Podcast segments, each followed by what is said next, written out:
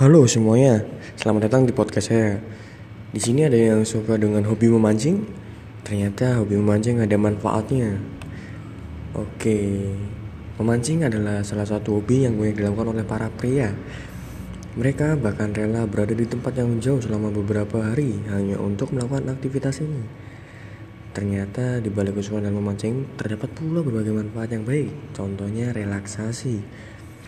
Sudah tidak asing lagi bahwa salah satu manfaat terbesar dari memancing adalah relaksasi, sebab sembari fokus memancing ikan.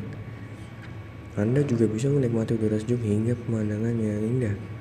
Dan ketiganya pun dipercaya dapat menurunkan tekanan darah dan mengurangi kecemasan sehingga ampuh sebagai metode meditasi yang baik. Serta meningkatkan sistem kekebalan tubuh. Vitamin D membantu tubuh Anda untuk mengatur dan mempercepat penyerapan kalsium dan fosfor.